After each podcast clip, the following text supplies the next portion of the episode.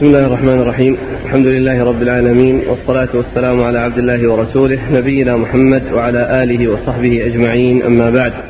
قال الإمام الحافظ أبو عيسى الترمذي يرحمه الله تعالى في جامعه باب ما جاء في تسوية القبور.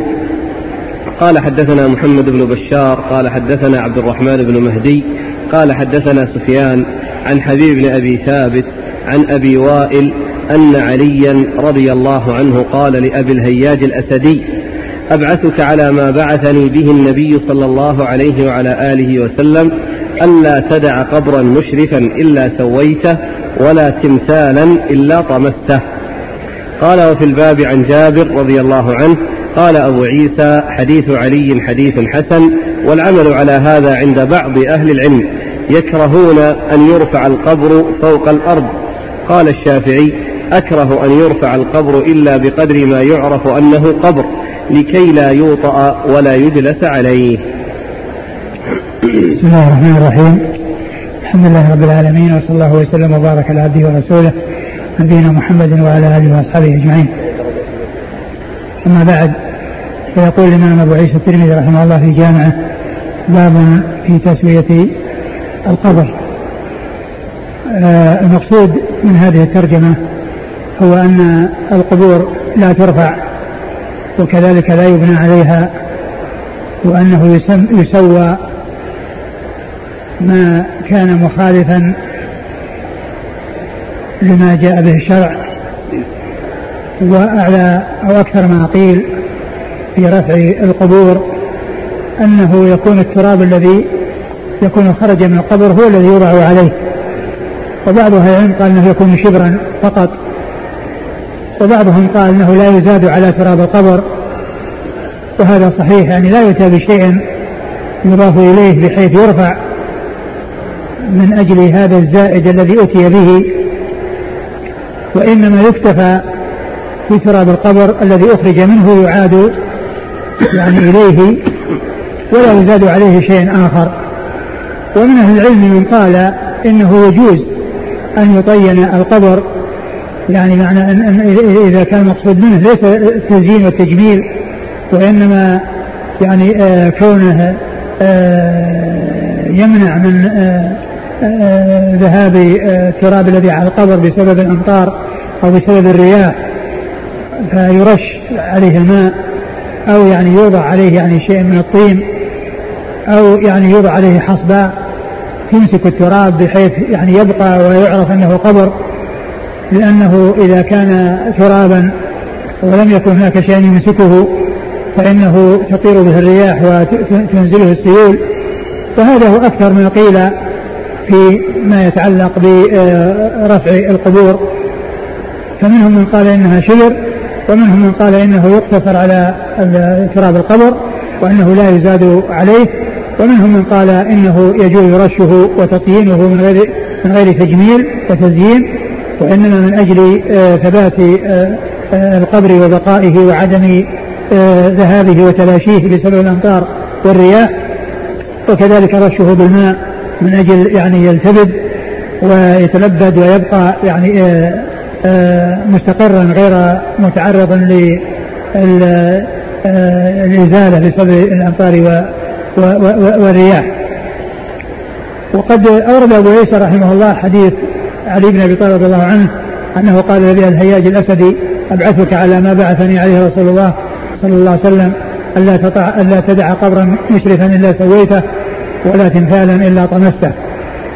ومحل الشاهد منه الجملة الأولى حيث قال قبرا مشرفا أي مرتفعا إلا سويته يعني آه أنه آه يعني معناه يزيل يعني هذا الإشراف وهذا الارتفاع الذي يكون عليه ولكن قد عرفنا أنه إذا كان تراب القبر وأنه ليس هناك بنيان عليه وليس هناك إضافة بناء ولا إضافة يعني أشياء فيها تجميل وتحسين فإن ذلك سائغ وجائز ولا بأس به. ولا ولا تمثالا إلا طمسته والتمثال هو الصور وسواء كانت يعني مجسمة أو غير مجسمة كل هذا يقال له يعني تماثيل فتطمس الصور ويعني يزال هيئتها بحيث يعني لا يبقى فإن كانت يعني مجسمة فإنها تتلف وتكسر إذا كانت مجسمة وإن كانت غير مجسمة فإنه يطمس رأسها ويعني آه، بحيث يعني تبقى كهيئة الشجرة أو هيئة الشيء الذي ليس فيه حياة.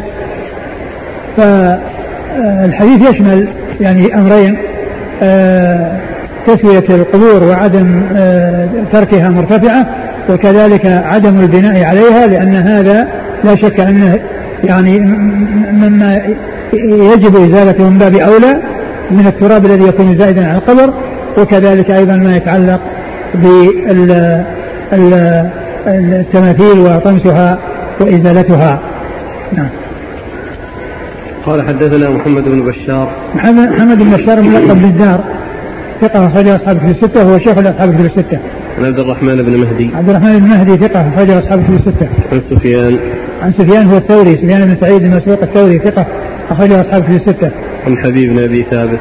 عن حبيب بن أبي ثابت ثقة أخرج أصحاب كتب الستة. عن أبي وائل. عن أبي وائل أبي وائل هو شقيق بن سلمة مشهور بكنيته وهو ثقة مخضرم أخرج له أصحاب كتب الستة. عن علي. عن علي بن أبي طالب رضي الله عنه أمير المؤمنين ورابع الخلفاء الراشدين الهادي المهديين صاحب المناقب الجنة والفضائل الكثيرة وحديثه عند أصحاب كتب الستة. قال وفي الباب عن جابر جابر بن عبد الله الأنصاري رضي الله عنهما أحد السبعة المكثرين من حديث رسول الله عليه الصلاة والسلام. قال أبو عيسى حديث علي حديث حسن والعمل على هذا عند بعض أهل العلم يكرهون أن يرفع القبر فوق الأرض قال الشافعي أكره أن يرفع القبر إلا بقدر ما يعرف أنه قبر لكي لا يوطأ ولا يجلس عليه. وأعلى شيء كما ذكرت هو التراب الذي خرج منه يوضع عليه. التراب الذي خرج منه يوضع عليه ولا يزاد عليه شيء آخر. قال رحمه الله تعالى باب ما جاء في كراهية المشي على القبور والجلوس عليها والصلاة إليها. قال حدثنا هناد قال حدثنا عبد الله بن المبارك عن عبد الرحمن بن يزيد بن جابر عن بصر بن عبيد الله عن أبي إدريس الخولاني عن واثلة بن الأسقع عن أبي مرتد الغنوي رضي الله عنهما أنه قال قال النبي صلى الله عليه وعلى آله وسلم لا تجلسوا على القبور ولا تصلوا إليها. قال وفي الباب عن أبي هريرة وعمرو بن حزم وبشير بن الخصاصية رضي الله عنهم أجمعين. قال حدثنا محمد بن بشار قال حدثنا عبد الرحمن بن مهدي عن عبد الله بن مبارك بهذا الإسناد نحوه. قال حدثنا علي بن حجر وأبو عمار قال أخبرنا الوليد بن مسلم عن عبد الرحمن بن يزيد بن جابر عن بصر بن عبيد الله عن واثلة بن الأسقع عن أبي مرثد الغنوي عن النبي, عن النبي صلى الله عليه وسلم نحوه. وليس فيه عن أبي إدريس وهذا الصحيح. قال أبو عيسى قال محمد وحديث ابن المبارك خطأ أخطأ فيه ابن المبارك وزاد فيه عن أبي إدريس الخولاني وإنما هو بصر بن عبيد الله عن واثلة. هكذا روى غير واحد عن عبد الرحمن بن يزيد بن جابر وليس فيه عن أبي إدريس. وبصر بن عبيد الله قد سمع من واثلة بن الأسقاع. ثم ورد أبو عيسى رحمه الله آه كراهية المشي على القبور. كراهية المشي على القبور. والجلوس عليها والجلوس عليها والصلاة, والصلاة إليها, إليها. آه المشي على القبور يعني كون الإنسان يمشي فوقها ويطأ عليها وكذلك كونه يجلس عليها أو يصلي إليها كل ذلك لا يجوز. لأن المشي عليها فيه امتهان لها وكذلك الجلوس عليها امتهان لها. والصلاة إليها آه، غير جائزة لأن ذلك يؤدي إلى المحذور وهو يعني عبادة غير الله عز وجل لأن في ذلك تعظيم يعني كون الإنسان يتعمد الصلاة إلى القبور ويتوجه إليها فيه تعظيم للقبور ويعني العبادة يعني تكون خالصة لله ولا يؤتى بشيء يؤثر فيها أو يكون سببا لصرف شيء من غير الله من حق الله إلى غير الله عز وجل. آه، أورد أبو عيسى حديث آه، أبي مرحب الغنوي رضي الله عنه أن النبي صلى الله عليه وسلم قال لا تجلسوا على القبور ولا تصلوا إليها. لا تجلسوا على القبور ولا تصلوا إليها. فهذا يدل على أن الجلوس على القبر أنه غير سائر وأنه محرم وفي ذلك امتهان لأصحاب القبور وعدم احترام لهم. وكذلك أيضا لا الصلاة إليها كذلك غير جائزة. لا يجوز الإنسان أن يصلي متجها إلى قبر. وأن يتعمد الصلاة خلف القبر وأن يستقبل القبر لأن هذا آه، مخالف لهذه السنة الثابتة عن رسول الله صلى الله عليه وسلم. وأيضا يعني آه، فيه أيضا المحذور وهو أنه وسيلة إلى أن يعبد ذلك الميت وأن يسجد له وأن يعني يصلى له. وإن كان الإنسان يريد منها الصلاة لله إلا أن ذلك يؤدي إلى تعظيم الميت وأن يصرف له شيء مما لا يستحقه إلا الله سبحانه وتعالى. وأما المشي فإنه مثل الجلوس لأن كل إنسان يقع على القبر مثل الجلوس على القبر. وقد جاء في بعض الروايات التي ستأتي ولا توطأ يعني لا توطأ يعني القبور يعني لا يطأ عليها.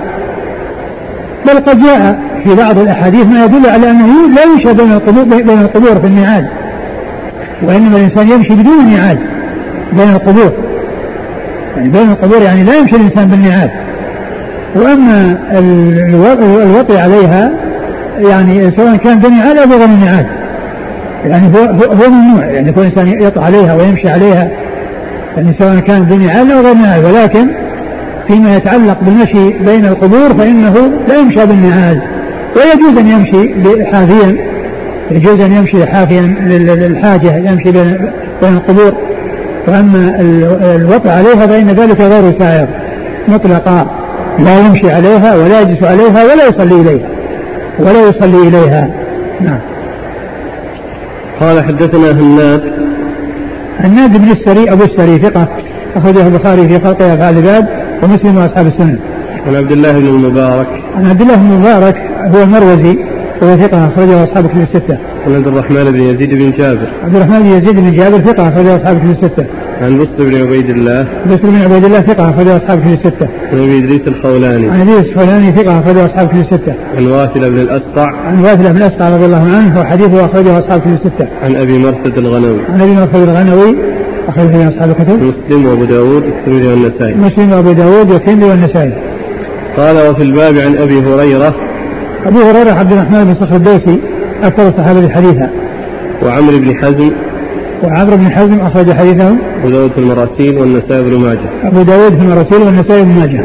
وبشير بن الخصاصية. وبشير بن الخصاصية أخرج حديثه. البخاري في المفرد وأبو داود والنسائي بن ماجه. البخاري في المفرد وأبو داود والنسائي بن ماجه. قال حدثنا محمد بن بشار. محمد عبد الرحمن. مرة ذكره عن عبد الرحمن بن مهدي عن عبد الله بن مبارك بهذا الإسناد نحوه. قال حدثنا علي بن حجر. علي بن حجر بن إياس السعدي ثقة. هذا البخاري ومسلم والترمذي والنسائي. وابو عمار. وابو عمار الحسين بن حريث وهو ثقة أخرج له مسلم. أصحاب الكتب إلا ابن ماجه. أخرج أصحاب الكتب الستة إلا ابن ماجه. عن الوليد بن مسلم. الوليد بن مسلم ثقة أخرج أصحاب الكتب الستة. عن عبد الرحمن بن يزيد بن جابر عن بصر بن عبيد الله عن واثل بن الأسقع عن أبي مرثد عن النبي صلى الله عليه وسلم نحوه وليس فيه عن أبي إدريس وهذا الصحيح. وهذا إسناد آخر ليس لكن ليس فيه محمد أبي إدريس الخولاني بين بسر وبين واثله بن الاسقع وقال إن هذا هو الصحيح وذكر أن هذا خطأ من المبارك ابن المبارك. أنه زاد بين بسر بن سعيد وبين واثله بن آه، أبا إدريس الخولاني. آه، أهل العلم آه، ذكر الشارح أن هذا أنه يمكن أن يكون هذا من قبيل آه، أن يكون الإسناد جاء من طريقين. طريق يعني عالي وطريق نازل. وأنه يكون أحيانا يحصل الحديث بنزول ثم يحصل بعد ذلك بعلو فيروى على وجهين وبعض الأحاديث التي انتقلت على البخاري هي من هذا القبيل كون فيه زيادة راوي. كون فيه زيادة راوي. والحافظ بن حجر كان يجيب يعني عن هذا الانتقاد بأنه محتمل أن يكون من هذا القبيل الذي هو أن الراوي يحصله بإسناد نازل ثم بعد ذلك فيرويه بالإسناد النازل الذي حصله أولا ثم يحصله بإسناد عالي فيرويه بهذا الإسناد العالي ويكون بذلك جاء عنه من طريقين من طريق نازلة وطريق عالية. فقالوا فيحتمل أن يكون ليس هناك خطأ وأن الراوي قد يروي يرويه عاليا نازلا ثم يحصله عاليا فيرويه ويكون رواه على الوجهين. نعم. قال أبو عيسى قال محمد وحديث ابن المبارك خطأ. أخطأ فيه ابن المبارك وزاد فيه عن أبي إدريس الخولاني وإنما هو بسر بن عبيد الله عن واتلة. هكذا روى غير واحد عن عبد الرحمن بن يزيد بن جابر وليس فيه عن أبي إدريس وبسر بن عبيد الله قد سمع من واتلة بن الأسقاع البخاري محمد هو البخاري قال قال محمد المقصود هو البخاري. نعم.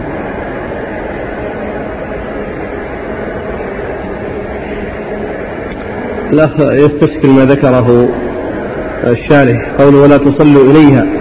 أي مستقبلين إليها؟ قال القاري وفي معناه بل أولى منه الجنازة الموضوعة وهو مما ابتلي به أهل مكة حيث يضعون الجنازة عند الكعبة ثم يستقبلون إليها. أقول مثل هذا يختلف ولا يقال أنه أولى لأن لأن ال ال يعني ال الجنازة يعني قد يعني لا يتيسر وضعها يعني خارج المسجد لا سيما إذا كان المسجد يعني آه كبيرا. وهي هي في مكة يضعونها في الحجر يضعونها في الحجر ثم يخرجونها ويصلون عليها ثم يخرجونها ويدعونها أمام الإمام. والحاصل أنه لا يقال من هذا من باب أولى. نعم. يقول هل يجوز الصلاة في المكان الذي يواجه قبر النبي صلى الله عليه وسلم علما بأنني لم أتعمد الصلاة في هذا المكان؟ الإنسان الذي صلى وهو غير متعمد ولا يدري أن القبر أمامه ليس عليه شيء وأما إنسان يأتي ويقصد استقبال القبر ويترك الصف الأول ويأتي في المسجد والمسجد خال من الناس والصف الأول فيه مجال ثم يتركه ويترك الصفوف ثم يأتي ويصلي خلف القبر. لا شك أن هذا آثم وواقع تحت آآ آآ هذا الحديث الذي فيه النهي النهي عن الصلاة إلى القبور. والنبي صلى الله عليه وسلم قال كل أمتي يدخلون الجنة إلا من أبى. قيل ومن يأبى يا رسول الله؟ قال من أطاعني دخل الجنة ومن عصاني فقد أبى. وهذا في معصية للرسول صلى الله عليه وسلم. وهذا في معصية للرسول صلى الله عليه وسلم لأنه نهى أن يصلى إلى القبور. فالذي يأتي إلى إلى إلى خلف القبر النبي صلى الله عليه وسلم ويجلس في الأماكن التي وراءه يعني آه، متعمدا الصلاة خلف القبر لا شك أنه داخل تحت هذا الوعيد أو تحت هذا النهي. الذي جاء عن رسول الله عليه الصلاة والسلام وداخل تحت الوعيد الذي أشرت إليه في الحديث كل أمتي يدخل الجنة إلا من أبى قيل ومن يأبى يا رسول الله. قال من أطاعني دخل الجنة ومن عصاني قد أبى وهذا قد عصى رسول الله صلى الله عليه وسلم في قوله لا تصلوا إلى القبور.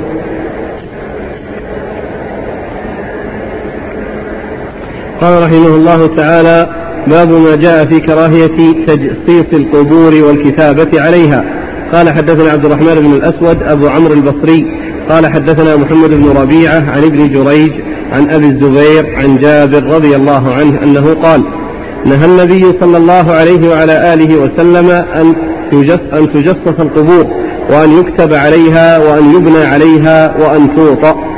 قال أبو عيسى هذا حديث حسن صحيح قد روي من غير وجه عن جابر وقد رخص بعض أهل العلم منهم الحسن البصري في تطيين القبور.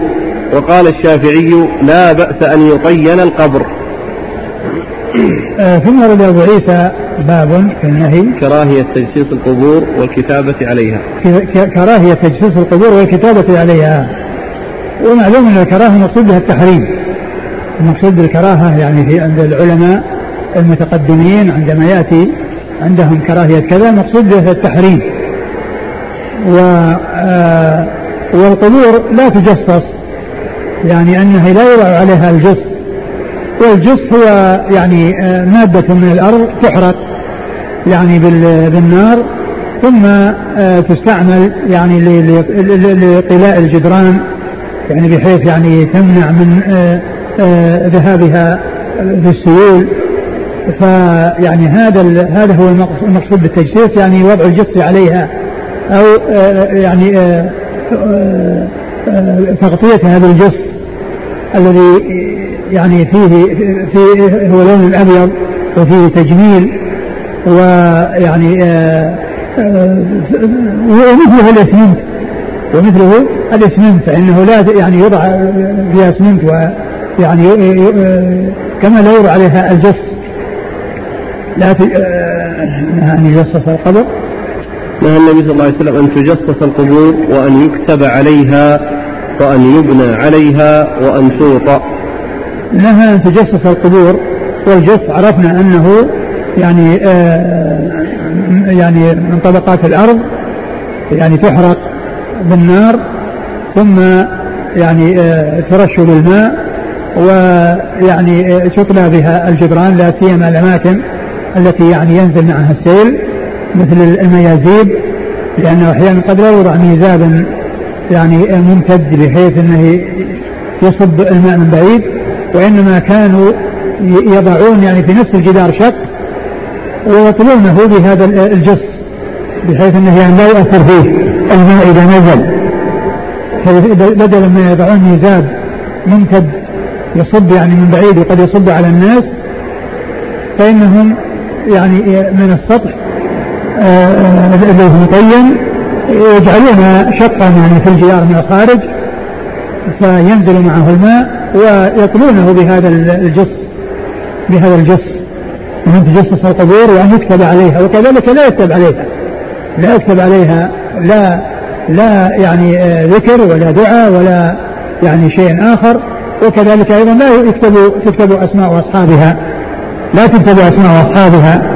وإنما الذي جاء أنه يضع عليها حجر على علامة تعلم بحجر بحيث يعرف يعرف أهل الميت أن هذا قبره بهذا الحجر الذي وضعوه عليه. وهو يعني خاص بهم معرفته بخلاف الكتابة فإن الكتابة كل يعرفها كل يأتي ويقرأها. وقد يترتب على ذلك يعني إذا كان الشخص له منزلة ولا كذا أنه يغلى فيه وأنه يحصل فيه من الأمور المحذورة يعني لا تصلح. ولكن كون أهله يضعون عليه حجر ليعرفوه فإن هذا لا بأس به وقد جاءت به السنة عن رسول الله صلى الله عليه وسلم. وأن يكتب عليها وأن وأن يضع يبنى عليها. وأن يبنى عليها. وكذلك البنيان. لا يبنى على القبور. لا تكون القبور آه، آه، في ذات البنيان. وأما قبر دفن النبي صلى الله عليه وسلم في بيته فإن هذا من خصائصه صلى الله عليه وسلم كما عرفنا في الدرس الماضي. وأن الذهبي رحمه الله قال في ترجمة عبد الله بن لهيعة أن دفنه صلى الله عليه وسلم في بيته أن هذا من خصائصه فلا يدفن الموتى في البيوت ولا يدفنون في البنيان ولا يبنى عليهم ولا يبنى على القبور شيء بل الواجب أن تكون القبور يعني خالية من البنيان. وقد جاء النهي عن رفع آه، ترابها وأن يزاد على ترابها. يعني آه، زيادة على على على تراب القبر. وكذلك البنيان من باب أولى لأن هذا فيه آه، في تعظيم لصاحب القبر وسبب في حصول التضرر من ممن عنده ضعف إيمان فإنه يتضرر بذلك. وكثير من البلاء والفتن التي جرت لأصحاب القبور إنما هي في بالبناء عليها والعناية بها وخدمتها ووضع الإسراج عليها ووضع الستائر عليها وغير ذلك من الأمور التي تجعل آه، آه، الإنسان الذي ليس عنده إيمان والذي هو ضعيف إيمان يغتر بهذه المظاهر ويعلق آماله بمن يكون آه، بمن وضعت عليه هذه الأشياء وعني به هذه العناية التامة. وكذلك أيضا لا يطع عليها وكذلك لا يطع عليها يعني كون الإنسان يأتي يطع عليها وهذا من منه المشي يعني كون الإنسان يطع عليها يقف عليها أو يمشي عليها كل ذلك غير جائز. لا أن يطع عليها واقفا عليها ولا أن يمشي مارا بها فيطع عليها وكل ذلك غير سائغ. نعم. قال حدثنا عبد الرحمن بن الأسود أبو عمرو البصري. عبد الرحمن بن الأسود مقبول. أخرجه الترمذي والنسائي. أخرجه الترمذي والنسائي. عن محمد بن ربيعة. عن محمد بن ربيعة وهو؟ صدوق أخرجه البخاري في المفرد وأصحاب السنة. صدوق أخرجه البخاري في المفرد وأصحاب السنة. عن ابن جريج عن جريج. عبد الملك بن عبيد بن جريج المكي ثقة أخرجه أصحاب الكتب الستة. عن أبي الزبير. عن أبي الزبير محمد بن مسلم بن تدرس المكي صدوق أخرجه أصحاب كتب الستة. عن جابر. عن جابر بن عبد الله الأنصاري رضي الله عنهما وهو أحد السبعة المكثرين من حديث رسول الله صلى الله عليه وسلم. قال أبو عيسى هذا حديث حسن صحيح قد روي من غير وجه عن جابر وقد رخص بعض أهل العلم منهم الحسن البصري في تطيين القبور. تطيين القبور من أجل أن لا يعني يطير ترابها وكذلك بعضهم قال يوضع عليها حصبة وبعضهم قال ترش بالماء حتى يتلبد التراب ويعني يمسك بعضه ببعض حتى لا يطير في الهواء. وحتى لا تغروه الرياح فيبقى القبر يعرف وحيث يعني لا يكون مساوي الأرض فيطأ عليه. نعم. وقال الشافعي لا بأس أن يطين القبر. نعم. والمقصود منه ليس التجميل وإنما المقصود منه آه يعني آه آه كون ترابه يتماسك ولا يكون عرضة ل آه أن تغروه الرياح.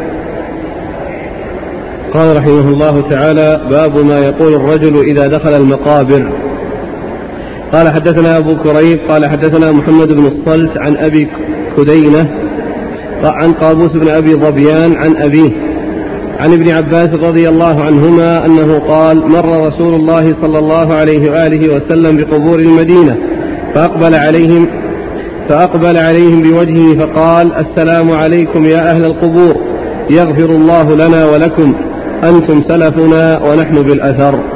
قال وفي الباب عن بريدة وعائشة رضي الله عنهما قال أبو عيسى حديث ابن عباس حديث حسن غريب وأبو كدينة اسمه يحيى بن المهلب وأبو ظبيان اسمه حصين بن جندب. ثم روى أبو عيسى ما يقول عند زيارة القبور. باب ما يقول؟ الرجل إذا دخل المقابر. باب الرجل نعم. ما يقول الرجل إذا دخل المقابر؟ ما يقول الرجل إذا دخل المقابر. والمقصود من ذلك الدعاء للأموات أنه إذا جاء المقابر فإنه يدعو لأصحابها. وقد جاءت السنة عن رسول الله صلى الله عليه وسلم كان يذهب إلى البقيع ويدعو لأهله. فيقول السلام عليكم أهل الديار من المؤمنين والمسلمين وإنا إن شاء الله بكم لاحقون. أه يرحم الله المستقدمين ومنكم والمستغفرين. نسأل الله لنا ولكم العافية. جاء ذلك عن رسول الله عليه الصلاة والسلام. وقد أورد أبو عيسى هذا الحديث عن ابن عباس. عن ابن عباس رضي الله تعالى عنهما. قال إيش؟ أقب... آه، قال مر رسول الله صلى الله عليه وسلم بقبور المدينة فأقبل عليهم بوجهه فقال فأقبل عليهم بوجهه. يعني هذا يدل على أن الإنسان عندما يعني يزور القبور ويدعو لأصحابها أنه يستقبل القبور. لا يعني يجعلها على جنبه أو على يمينه أو عن شماله وإنما يستقبلها. وليس بلازم أنه يأتي بها من جهة القبلة ويستقبلها وأنه لا يكون السلام على القبور إلا إذا كان جاءها من جهة القبلة وإنما نفس الزائر هو يستقبلها. يعني من أي جهة كان من أي جهة جاء فإنه يستقبل القبور ويسلم على أهلها ويدعو لهم. يسلم على أهلها ويدعو لهم بما كان رسول الله صلى الله عليه وسلم يدعو به عند زيارته للقبور عليه الصلاة والسلام. ومنه وهذا الحديث الذي أورده المصنف في سنده قابوس بن أبي ظبيان وهو يعني في حديثه لين ولكن له شواهد. يعني جاء عن جماعة من الصحابة يعني زيارة القبور ودعاء النبي صلى الله عليه وسلم لأصحاب القبور. فيكون هذا الحديث يعني آآ آآ بالأحاديث الأخرى الدالة على معناه وعلى ما جاء فيه يكون حجة. وبعض العلماء ضعفه والشيخ الألباني ضعفه بقابوس هذا. وفي في في من جهة إسناده. ولكن كما هو معلوم هو إن كان في إسناده من فيه لين إلا أنه جاء أو جاءت الأحاديث بمعناه عن رسول الله صلى الله عليه وسلم في أحاديث أخرى صحيحة في مسلم وفي غيره. نعم. قال حدثنا أبو كريب. أبو كريب محمد بن العلاء بن كريب أبو كريب ثقة. أخرجه أصحاب في الستة. عن محمد بن الصلت. محمد بن الصلت هو ثقة أخرج البخاري والترمذي والنسائي بن ماجه. ثقة أخرجه البخاري والترمذي والنسائي بن ماجه. عن أبي كدينة. عن أبي كدينة وهو صدوق في البخاري والترمذي والنسائي صدوق في البخاري والترمذي والنسائي عن قابوس بن أبي ظبيان عن قابوس بن أبي ظبيان وفي حديثه لين أخرج حديثه قال في المفرد وأبو داود والترمذي وابن ماجه البخاري في المفرد وأبو داود والترمذي وابن ماجه عن أبيه عن أبيه ابو أبي ظبيان وهو ثقة طيب أصحاب الكتب ثقة أخرج أصحاب الكتب الستة. عن ابن عباس. عن ابن عباس عبد الله بن عباس بن عبد المطلب ابن عم النبي عليه الصلاة والسلام وأحد العبادلة الأربعة من أصحابه الكرام وأحد السبعة المعروفين بكثرة الحديث عن النبي صلى الله عليه وسلم. قال وفي الباب عن بريدة وعائشة. بريدة بن الحصيب الأسلمي أخرج حديثه أصحاب الكتب الستة. وعائشة. وعائشة أم المؤمنين رضي الله عنها الصديقة بن الصديق وهي واحدة من سبعة أشخاص عرفوا بكثرة الحديث عن النبي عليه الصلاة والسلام. قال أبو عيسى حديث ابن عباس حديث حسن غريب وأبو كدينة اسمه يحيى بن المهلب وأبو ظبيان اسمه حسين بن جندب. قال رحمه الله تعالى باب ما جاء في الرخصة في زيارة القبور. قال حدثنا محمد بن بشار ومحمود بن غيلان والحسن بن علي الخلال. قالوا حدثنا أبو عاصم النبيل. قال حدثنا سفيان عن علقمة بن مرثد عن سليمان بن بريدة عن أبيه. رضي الله عنه أنه قال قال رسول الله صلى الله عليه وعلى آله وسلم قد كنت نهيتكم عن زيارة القبور فقد أذن لمحمد في زيارة قبر أمه فزوروها فإنها تذكر الآخرة. قال وفي الباب عن أبي سعيد وابن مسعود وأنس وأبي هريرة وأم سلمة رضي الله عنهم أجمعين. قال أبو عيسى حديث بريدة حديث حسن صحيح. والعمل على هذا عند أهل العلم لا يرون بزيارة القبور بأسا وهو قول ابن المبارك والشافعي وأحمد وإسحاق. ثم أبو عيسى باب الرخصة في زيارة القبور. باب الرخصة في زيارة المقصود هنا بالرخصة يعني كون حصل نهي أول عن زيارة القبور ثم رخص فيه ثم حصل ترخيص يعني بعد النهي. والنهي قد كان أولا ثم إنه جاء نصح ذلك النهي بتجويز وتسويغ زيارة القبور وأورد في حديث بريدة بن الحصيب رضي الله عنه الذي فيه الناسخ والمنسوخ الذي فيه الناسخ والمنسوخ المنسوخ هو كون النهي المنع من زيارة القبور والناسخ هو الترخيص لزيارتها وأن ذلك مندوب ومستحب. وهذا هو الذي يعني أشار إليه المصنف في قوله الرخصة في زيارة القبور يعني الرخصة بعد التحريم وبعد النهي. وقد جاء في حديث بريدة بن حصيب ثلاثة أشياء يعني فيها الجمع بين الناسخ والمنسوخ. كنت نهيتكم عن زيارة القبور فزوروها فإن لكم الآخرة وكنت نهيتكم عن ادخار لحوم الأضاحي يعني فوق ثلاث ألا تدخروا وكنت نهيتكم عن الانتباه في أوعية فانتبذوا في كل وعاء ولا تشربوا مسكرا. فانتبذوا في كل وعاء ولا تشربوا مسكرا. لأنه جاء عن وسلم أنه نهى عن أوعية معينة يعني عن الدبة والحنتم والنقير والمزفت وكذا كما جاء في الحديث الصحيحة.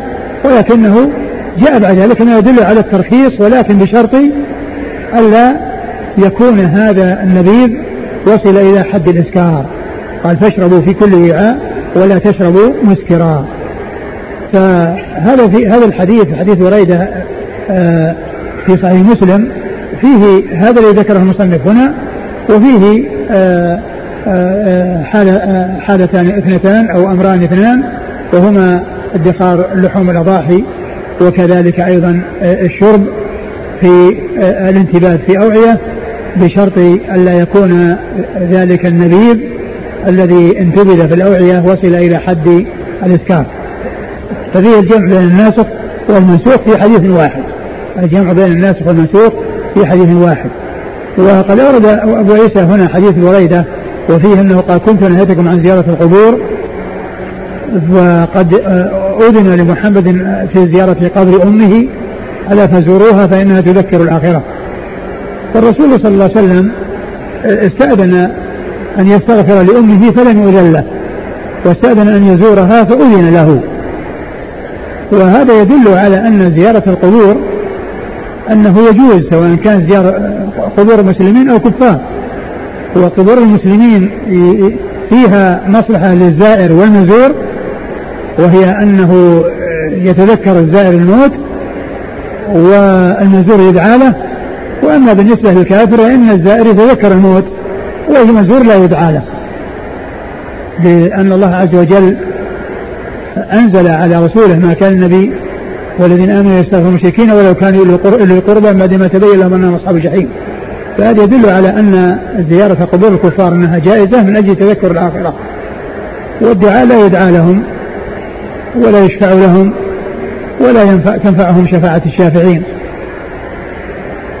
وقوله فإن تذكركم الآخرة هذا فيه بيان السبب أو الحكمة أو الفائدة من الزيارة وهي أن الزيارة تذكر الآخرة. والإنسان إذا تذكر الآخرة يستعد لها بالأعمال الصالحة يستعد لها بالأعمال الصالحة. والنبي عليه الصلاة والسلام في حديثه صحيح البخاري لما جاءه رجل وقال يا رسول الله متى الساعة؟ قال له وماذا أعددت لها؟ وماذا أعددت لها لفت نظره إلى ما يعده الإنسان للموت إذا مات بحيث يجده أمامه وهو الأعمال الصالحة التي تقربه إلى الله عز وجل وتنفعه لديه. الحاصل من قوله فإنها تذكركم الآخرة فيه بيان الفائدة والحكمة من وراء مشروعية زيارة القبور وأن فيها تذكير الآخرة والإنسان إذا تذكر الآخرة يستعد لها بالأعمال الصالحة. ومعلوم أن الزيارة الشرعية يستفيد منها الزائر والنزور الزائر يستفيد ثلاث فوائد. يستفيد من ثلاث يستفيد من وجوه ثلاثة. أولا كونه يتذكر الموت فيستعد لها بالأعمال الصالحة. والثاني أنه يفعل سنة سنها رسول الله صلى الله عليه وسلم فيؤجر عليها. والثالث أنه آه يعني آه دعا للأموات وأحسن إليهم فيثاب على إحسانه إلى الأموات الذين دعا لهم. فيكون الزائر استفاد ثلاث فوائد من زيارة القبور تذكر الآخرة والاستدلال بها بالأعمال الصالحة وفعل السنة سنها رسول الله صلى الله عليه وسلم ويجر على فعل السنة وكونه أحسن إلى إخوانه الأموات من المسلمين ودعا لهم فإنه أجر على إحسانه لهم ودعائه إحسانه إليهم ودعائه لهم.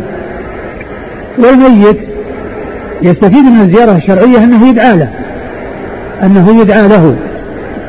وهو بحاجة الأموات بحاجة إلى دعاء الأحياء. وهم يستفيدون من دعاء الأحياء لهم.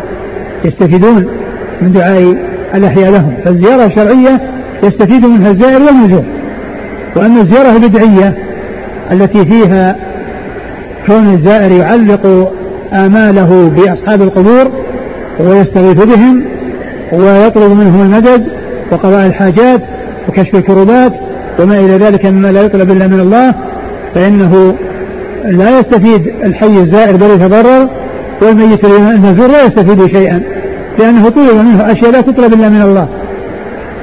ومعلوم أن الله عز وجل هو الذي يدعى وغيره يدعى له ولا يدعى.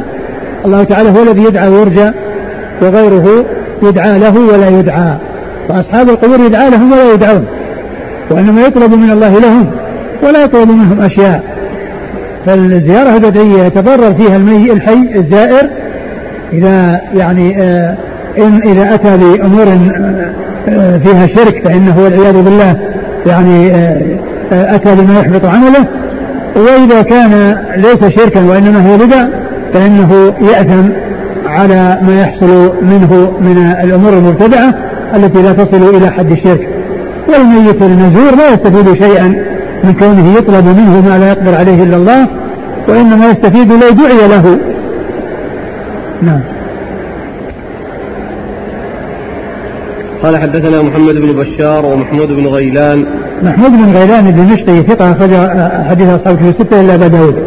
والحسن بن علي الخلال. والحسن بن علي الخلال الحلواني ثقة أخرج أصحاب في الستة إلا النسائي. قالوا حدثنا أبو عاصم النبيل. أبو عاصم النبيل هو الضحاك بن مخلد وهو ثقة أخرجه أصحاب في الستة. عن سفيان. عن سفيان هو الثوري وهو ثقة أخرجه أصحاب في الستة. عن علقمة بن مرثد علقمة بن مرثد ثقة أخرجه أصحاب في الستة. عن سليمان بن بريدة. عن سليمان بن بريدة هو ثقة أخرجه أصحاب في الستة إلا البخاري. عن أبيه. عن أبيه بريدة بن حصين رضي الله عنه أخرج حديث أصحاب في الستة. قال وفي الباب عن أبي سعيد. أبو سعيد الخدري سعد بن مالك بن سنان أحد السبعة المكثرين من حديث رسول الله صلى الله عليه وسلم. وابن مسعود. وابن مسعود عبد الله بن مسعود الهذلي أخرج حديثه أصحاب كتب الستة. وأنس. وأنس بن مالك رضي الله عنه خادم النبي صلى الله عليه وسلم وأحد السبعة المكثرين من حديثه عليه الصلاة والسلام. وأبي هريرة وأم سلمة. أبو هريرة مر ذكره وأم سلمة هي هند بنت أبي أمية أم المؤمنين رضي الله عنها وحديثها أخرجه أصحاب كتب الستة. قال أبو عيسى حديث بريدة حديث حسن صحيح والعمل على هذا عند أهل العلم لا يرون بزيارة القبور بأسا وهو قول ابن المبارك والشافعي وأحمد وإسحاق. وهذا إنما هو في حق الرجال وأما النساء ففيه خلاف. سيأتي نعم. قال حدثنا الحسين بن حريث قال حدثنا عيسى بن يونس عن ابن جريج عن عبد الله بن أبي مليكة قال توفي عبد الرحمن بن أبي بكر بحبشي. قال فحمل إلى مكة فدفن فيها فلما قدمت عائشة رضي الله عنها أتت قبر عبد الرحمن بن أبي بكر فقالت وكنا كندماني كندماني جذيمة حقبة من الدهر حتى قيل لن يتصدعا فلما تفرقنا كأني ومالكا لطول اجتماع لم نبت ليلة معا. ثم قالت والله لو حضرتك ما دفنت إلا حيث مت ولو شهدتك ما زرتك. ثم ورد أبو عيسى حديث عائشة رضي الله عنها أن أن أخاها عبد الرحمن بن بكر لما مات بحبشي وهو مكان قريب من مكة نقل إلى مكة فدفن بها. وزارته ويعني قالت يعني ما قالت يعني من هذه الأبيات التي تمثلت بها. ويعني كانت يعني آه، أخته و آه، آه، كانوا متلازمين. وقد يعني مات وحصل الفراق بينهما. فتمثلت بهذه الأبيات التي قالها يعني شخص في أخيه. وهو يعني أخوه مالك بن نويرة والذي قالها ما تذكر اسمه إيش اسمه قال إيش؟ إيش اسمه؟ تميم نعم تميم يعني يرثي أخاه مالك بن نويرة وعائشه رضي الله عنها كانت ملازمة لأخيها فتمثلت بهذه الأبيات آه، التي يعني حالها مثل حال يعني هذا الرجل مع اخيه وقالت لو شهدتك ما دفنت إلا حيث مت ولما زرتك. ولما زرتك. يعني وفيه زيارة النساء القبور. ولكن الحديث يعني في إسناده يعني ضعف من جهة أن فيه ابن جريج وهو مدلس ولم يصل في السماع وكذلك قيل أنه مرسل لأن عبد الله بن أبي مليكة يحكي يعني شيء يعني آه، آه، حصل عند وفاة آه، يعني عبد الرحمن بن بكر رضي الله عنه. ف يعني لم يدرك القصة فيكون فيه الإرسال والانقطاع ويكون فيه أيضا تدليس عبد الملك بن جريج.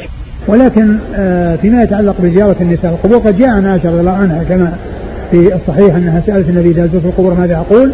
فقال قولي كذا والحديث صحيح. وقد اختلف أهل العلم في حكم زيارة النساء القبور فمنهم من أجازها بناء على ما جاء عن عائشة رضي الله عنها من يعني أن أنها قالت ماذا أقول إذا زرت القبور؟ فأخبرها. وكذلك قصة المرأة التي جاء النبي صلى الله عليه وسلم إليها وهي عند قبر وقال لها اصبري و آه، ولم ينكر عليها. فبعض العلم قال بأنه يجوز للنساء يزرن القبور كما يجوز للرجال.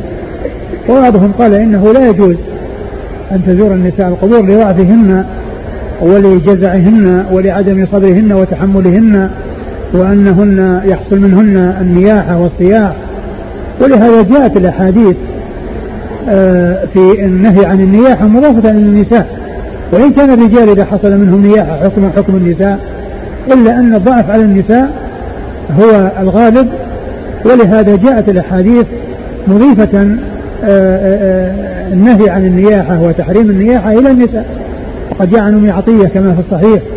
قالت أخذ علينا النبي صلى الله عليه وسلم عند البيعة ألا ننوح. أخذ علينا عند البيعة ألا ننوح. وقال عليه الصلاة والسلام وقال أبو موسى الأشعري رضي الله عنه أن النبي صلى الله عليه وسلم برئ من الصادقة والحاذقة والشاقة. الصادقة لترفع صوتها عند المصيبة والحاذقة لتحلق شعرها عند المصيبة والشاقة لتشق ثوبها عند المصيبة. فأضيف إلى النساء لأن الجزع والضعف يغلب عليهن. و وأيضا جاء في الحديث عن الله زورات القبور وبعض الذين أجازوا زيارة النساء القبور حملوه على المبالغة وأن المقصود بالنهي هو ما كان أكثر فيه الزيارة. أما إذا كانت الزيارة ليست كثيرة وإنما هي قليلة فإنهم يرون الجواز في ذلك. وبعض أهل العلم يقول إن, إن, إن, إن الحديث يدل على المنع مطلقا وفعال ليس بلازم أن يكون للمبالغة بل يأتي للنسبة. كما يأتي المبالغة يأتي للنسبة. والمقصود يعني زورات المنسوبات إلى الزيارة. مثل قوله عز وجل وما ربك بظلام للعبيد فإن النفي هنا للنسبة وليس للمبالغة. فالله عز وجل يعني لا ينسب إليه الظلم بحال من الأحوال. فإذا ظلام هذه الصيغة للمبالغة ليس المقصود بها المبالغة ولا المقصود بها النسبة. فإذا الزوارات يعني منسوبات إلى الزيارة. مثل ما ربك بظلام للعبيد ومن المعلوم أن الخلاف قد حصل بين أهل العلم منهم من أجاز ومن منع لكن المنع هو الأحوط وهو الأولى. وذلك أن المرأة إذا تركت الزيارة ولم تزر أكثر شيء أنه فاتها أمر مستحب. وأيضا لم تتعرض للعن كقوله لعن الله زورات القبور. أما إذا فعلت فإنها تتعرض للعن في قوله عن الله زورات القبور والشيء الذي فعلته ليس بلازم وإنما هو أمر مستحب. يعني لو كان ذلك جائزا في حق النساء فإذا القول بالمنع وعدم الجواز هو الأولى. نعم. قال حدثنا الحسين بن حريث. الحسين بن حريث هو أبو عمار مر ذكره. عن عيسى بن يونس. عيسى بن يونس آه، آه، ثقة أخرج أصحابه في الستة. عن ابن جريج عن عبد الله بن أبي مليكة. عبد الله بن بن عبيد الله بن أبي مليكة ثقة أخرج أصحابه في الستة. عن عائشة. عن عائشة أم المؤمنين رضي الله عنها مر ذكرها. قال رحمه الله تعالى باب ما جاء في كراهية زيارة القبور للنساء قال حدثنا قتيبة قال حدثنا أبو عوانة عن عمر بن أبي سلمة عن أبيه عن أبي هريرة رضي الله عنه أن رسول الله صلى الله عليه وآله وسلم لعن زوارات القبور قال وفي الباب عن ابن عباس وحسان بن ثابت رضي الله عنهم. قال أبو عيسى هذا حديث حسن صحيح. وقد رأى بعض أهل العلم أن هذا كان قبل أن يرخص قبل أن يرخص النبي صلى الله عليه وسلم في زيارة القبور. فلما رخص دخل في رخصته الرجال والنساء. وقال بعضهم إنما كره زيارة القبور للنساء لقلة صبرهن وكثرة وكثرة جزعهن. يعني هذا الحديث يعني بعض أهل العلم يعني كما ذكرت حمله على الكثرة وقال إن النهي إنه كان قبل الزياء قبل قبل النهي العام الذي قد حصل. وبعض أهل العلم يقول إن النهي آه، كان آه، النهي كان للجميع ثم إنه رخص يعني آه، للرجال وجاء وأما النساء فقد جاء تنصيصه في حقهن وتخصيصهن بالمنع بقوله لعن الله زور في القبور. فإذا يكون يعني هذا التخصيص لا يقال إنه قبل النهي وإنما يكون بعد النهي لأنه قبل النهي كان النهي للجميع وليس للنساء فقط واللعن ليس موجها للنساء فقط قبل ذلك ثم نسخ وإنما كان النهي للجميع ثم أبيح وجاء في حق الرجال وجاء في حق النساء اللعن في هذا الحديث. فيكون بعد يعني يعني يكون بعد بعد النهي العام. وأيضا آه، آه، ما قيل من أنه من المبالغة عرفنا أنه أن هناك شيء معنى آخر وهو النسبة وأن القائلين بالتحريم مطلقا أنهم يعتبرونه من قبيل النسبة. نظير قوله عز وجل وما ربك بظلام للعبيد. قال حدثنا قتيبة عن أبي عوانة. أبو عوانة قتيبة بن سعيد بن جميل بن طريف البغلاني ثقة أخرجه أصحابه في الستة. وأبو عوانة هو الضاحى بن عبد الله اليشكري ثقة أخرجه أصحابه في الستة. عن عمر بن أبي سلمة. عمر بن أبي سلمة هو صدوق. يخطئ. صدوق يخطئ أخرج له. البخاري تعليقا وأصحاب السنة. البخاري تعليقا وأصحاب السنة. عن أبي سلمة أبيه أبو سلمة هو أبو سلمة بن عبد الرحمن بن عوف وهو ثقة أخرجه أصحابه في الستة. عن أبي هريرة. عن أبي هريرة عبد الرحمن بن صخر الدوسي رضي الله عنه وقد مر ذكره. قال وفي الباب عن ابن عباس وحسان بن ثابت. حسان بن ثابت رضي الله عنه أخرج حديثه. أصحاب الكتب إلى الترمذي. أصحاب الكتب الستة إلى الترمذي. قال أبو عيسى هذا حديث حسن صحيح وقد رأى بعض أهل العلم أن هذا كان قبل أن يرخص النبي صلى الله عليه وسلم في زيارة القبور. فلما رخص دخل في رخصته الرجال والنساء وقال بعضهم إنما كره زيارة القبور للنساء لقلة صبرهن وكثرة جزعهن. نعم. قال رحمه الله تعالى باب ما جاء في الدفن بالليل والله تعالى أعلم وصلى الله وسلم وبارك على نبينا ورسول نبينا محمد وعلى آله وأصحابه أجمعين. جزاكم الله خيرا وبارك الله فيكم ونفعنا الله بما قلتم.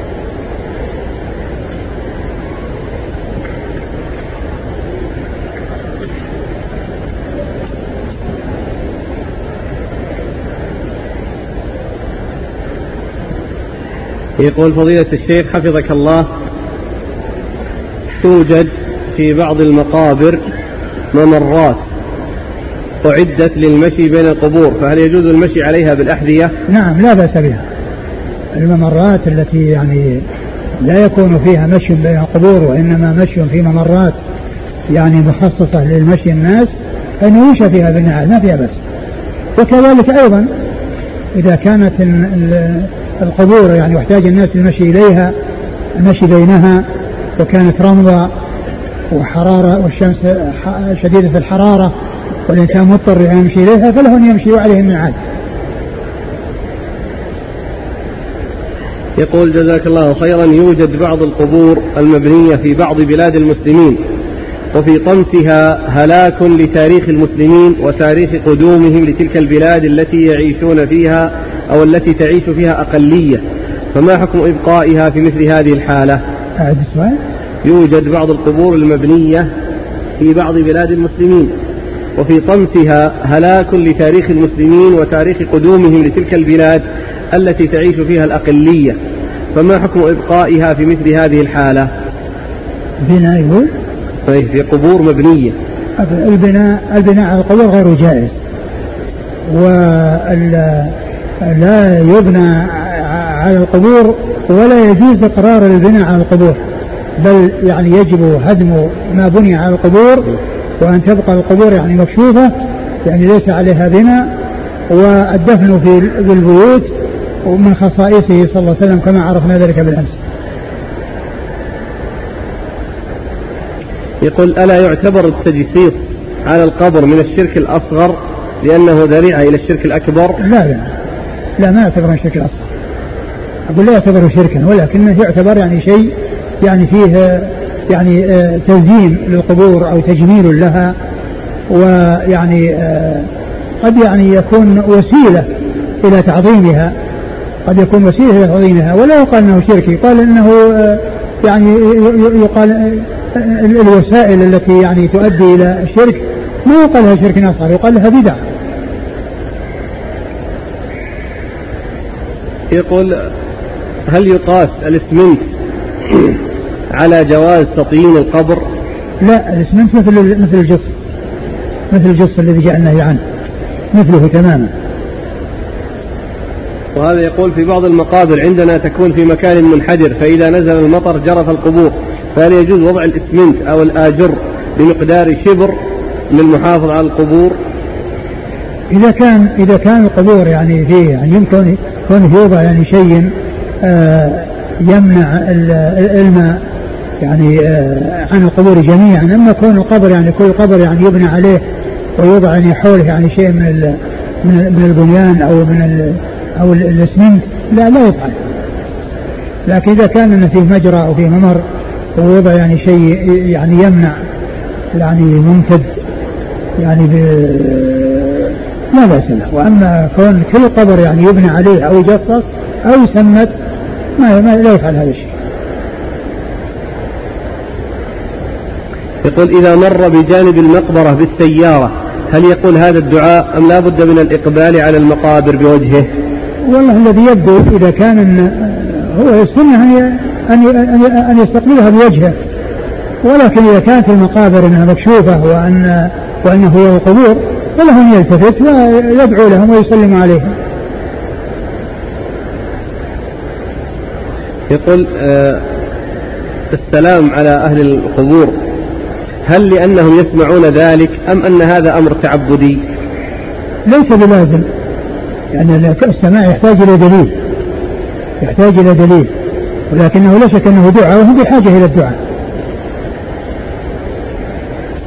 كيف الجمع بين ما استفيد من الحديث من جواز زيارة قبور المشركين وما ورد من مشروعية الإسراع عند المرور بقبره بقبورهم؟ ما في يعني شيء يدل على الإسراع إلا قضية الديار ثمود. يعني كل إنسان الرسول صلى الله عليه وسلم أسرع لأن لأنها أماكن عذاب. وليس فيه يعني ذكر مرور على قبور الإسراع وإنما هو إسراع في في في في, في ديار التي حصل لها الهلاك وحصل لها العذاب وحصل لأهلها العذاب أن يصيب الناس ما أصابهم. هذا هو الذي جاء. وأما القبور والمرور بالقبور وهي قبور المشركين لا يسرع الإنسان عندما يمر بقبور المشركين. يسرع. الرسول ما أسرع عند مرور بالقبور وإنما أسرع عند مرور ديار المعذبين الذين أهلكوا بالعذاب. هل يجوز للمسلمين حضور دفن غير المسلمين؟ ليس لهم ذلك. ليس لهم.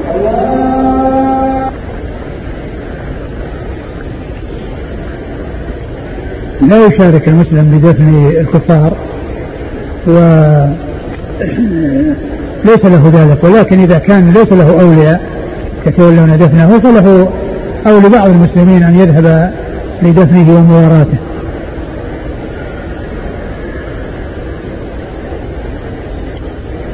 هذا يقول في بلادنا توجد قبور وفيها يوجد كل أنواع الشرك من السجود والاستغاثة وطلب الرزق. فهل لنا أن نفجر هذه القبور من حيث لا يعرفنا أحد؟ لا ليس لكم ذلك. هذا الآخر يقول وإنما عليكم أن تدعوا إلى, إلى, إلى, إلى التوحيد وإلى بيان خطورة ما هم عليه. هذا هو الذي عليكم أن تفعلوه. لا أن تفعلوا أمورا يترتب عليها ما هو أنكر منها.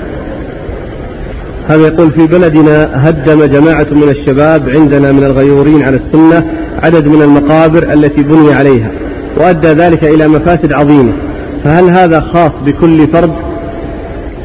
أو أن هذا, هذا الأمر هذا الكلام هو هو نفس الجواب على السؤال اللي راح.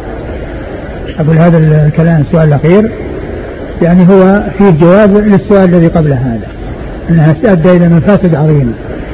نعم وهذا يقول ينبت في مقابرنا كثير من الثمار فهل يجوز أكلها؟ والله يعني أقول المقابر يعني وما ينبت في المقابر يعني لو تحوشي يعني يعني يكون أولى لأنه قد يعني يكون نبت على يعني أجسام الأموات وعلى شيء حصل من الأموات. نعم. هذا يقول هل ترفع الأيدي عند الدعاء على على عند الدعاء للأموات عند على القبور يعني؟ والله ما نعلم من شيء يثبت ولا شيء يمنعه. ما نعلم من شيء يثبت ولا يمنعه عند كل إنسان يعني يأتي يعني يسلم عليهم ويدعو لهم ما نعلم شيء يثبت ولا يمنع. وكذلك يعني بعد الدفن كل إنسان يدعو ويسأل التثبيت ما نعلم شيء يثبت ولا يمنع. ومعلوم أن رفع الأيدي له ثلاث حالات حالة ورد فيها الرفع ويرفع مثل في عرفة دعاء عرفة وكذلك الدعاء عند الجمرات وعلى الصفا والمروة هذه أمور ورد فيها الرفع فترفع الأيدي ومواضع ما ورد فيها الرفع مثل خطبة الجمعة فإنها لا ترفع فيها الأيدي لا من الخطيب ولا من المأمومين إلا إذا استسقى الخطيب فإنه يرفع يديه وكذلك المأمومون لهم أن يرفعوا أيديهم عند الاستسقاء في الخطبة. و وكذلك بعد أدبار الصلوات الرسول صلى الله عليه وسلم هو إمام الناس دائما وأبدا عليه الصلاة والسلام في حياته ومع ذلك ما غفر عنه أنه رفع يديه ولا مرة واحدة. فلو كان ذلك سائغا لنقل ولا مرة واحدة. فإذا لا ترفع الأيدي بعد الصلاة المفروضة. وأما غير ذلك مما لم يرد فيه آآ آآ ما لم يكن من قبيل ما ورد في رفع الأيدي فترفع ولا من قبيل ما لم ترفع الأيدي فلا ترفع يكون الأمر في ذلك واسعا فله أن يرفع وله أن لا يرفع. هذا يقول في بلادنا المقابر تكون مليئة بالكلاب. فلو لم يوضع الإسمنت على القبر لحفرت الكلاب القبر كما يحصل أحيانا بسبب قلة الإسمنت. فهل يجوز لنا والحالة هذه أن نضع؟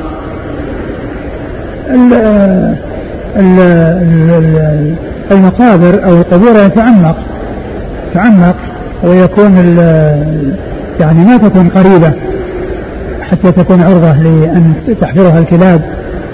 وليس للناس أن يسمتوا ويعملوا الاسمنت من أجل الكلاب وإنما عليهم أن يعالجوا ذلك بتعميق القبر بحيث لا تصل إليه الكلاب.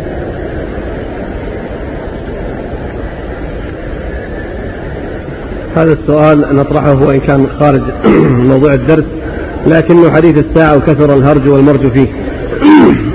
يقول ما زال الجهاد في سبيل الله أمرا يقول هل ما زال الجهاد في سبيل الله أمرا مستحبا وليس بواجب أمام هذه الصور البشعة التي نشاهدها لإخواننا المسلمين في العالم والقتل من أعداء الله الصون مأجورين. الجهاد كما هو معلوم يسبق أي جهاد جهاد النفوس. والمسلمين ما حصل لهم ما حصل من الذلة والهوان إلا لأنهم ما جاهدوا أنفسهم وغفلوا عن جهاد الأنفس ولهذا لم يتمكنوا من من من من, من, من, أنواع الجهاد الأخرى بسبب ضعفهم في جهاد أنفسهم. ولو أن المسلمين جاهدوا أنفسهم لحصل لهم الخير الكثير. ولهابهم الأعداء. ولكنهم لضعف الإيمان في كثير منهم وعدم مجاهدة النفوس. حصل ما حصل من الذلة والهوان الذي حصل على المسلمين. والذي لا يجاهد نفسه لا يستطيع أن يجاهد غيره. وبعض يعني ما يحصل من جهاد هو حماس. وقد يترتب على الحماس يعني ضرر أكثر من ما لو حصل يعني عدم الإقدام على هذا الذي أقدم عليه بسبب الحماس. فإن بعض الناس يعني آه، لا يفكر في العواقب ويتحمس ثم تكون نتيجة أنه يحصل ضرر المسلمين أكثر من النفع الذي يحصل لهم لو لم يحصل هذا الحماس وهذا الإقدام على الشيء الذي يحصل فيه مضرة من جنس السؤال الذي قد حصل الذي قد حصل قبل ذلك. يعني كونه يفجر يعني في في في بناء وكذا ويحصل للمسلمين اضرار بسبب ذلك آه، لا تحمد عقباها. فكذلك يعني ما يجري من كثير من المسلمين من آه، إقدام على أمور فيها مضرة تعود عليهم المضره وذلك بسبب آه، عدم التفكير في العواقب وبسبب عدم مجاهدة النفوس والتقصير في مجاهدة النفوس والإنسان الذي لا يجاهد نفسه لا يجاهد غيره. أحسن الله إليك وجزاك الله خيرا وبارك الله فيك.